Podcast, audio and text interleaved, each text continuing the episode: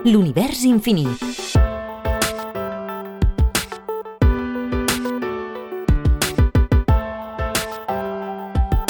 Agrupació Astronòmica de Sabadell.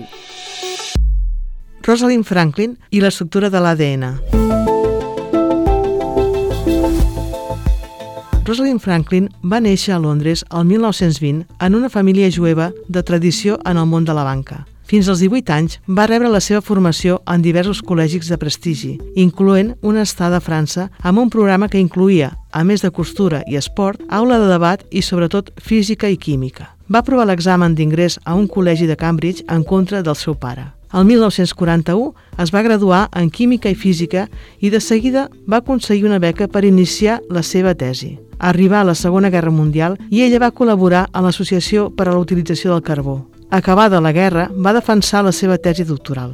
El 1947 va anar al Laboratori Central de Serveis Químics de París, França, on va aprendre la tècnica de difracció de raig X, convertint-se en una experta mundial. El 1951 va aconseguir una plaça al King's College de Londres. Allà, John Randall, director del departament, li va encarregar l'estudi de l'estructura de l'ADN.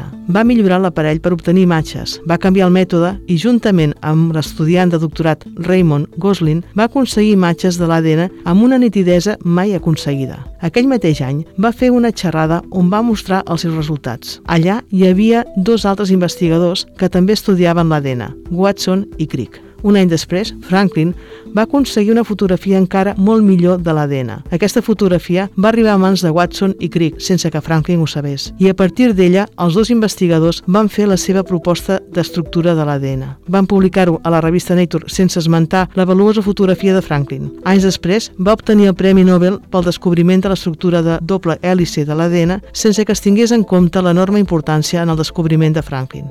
Cansada de l'ambient de King's College, es va traslladar a Berkeley College, també a Londres, a un laboratori dirigit per John Bernal, on va romendre fins a la seva mort. En aquest centre, la seva carrera investigadora va seguir endavant, amb importants treballs sobre virus, en concret el del mosaic del tabac i el de la polio. A mitjans del 1956, durant un viatge de treball als Estats Units, Franklin va començar a sospitar que tenia un problema de salut. Tenia càncer d'ovaris. Després de diverses operacions i de tractament amb quimioteràpia, va morir el 1958 als 37 anys.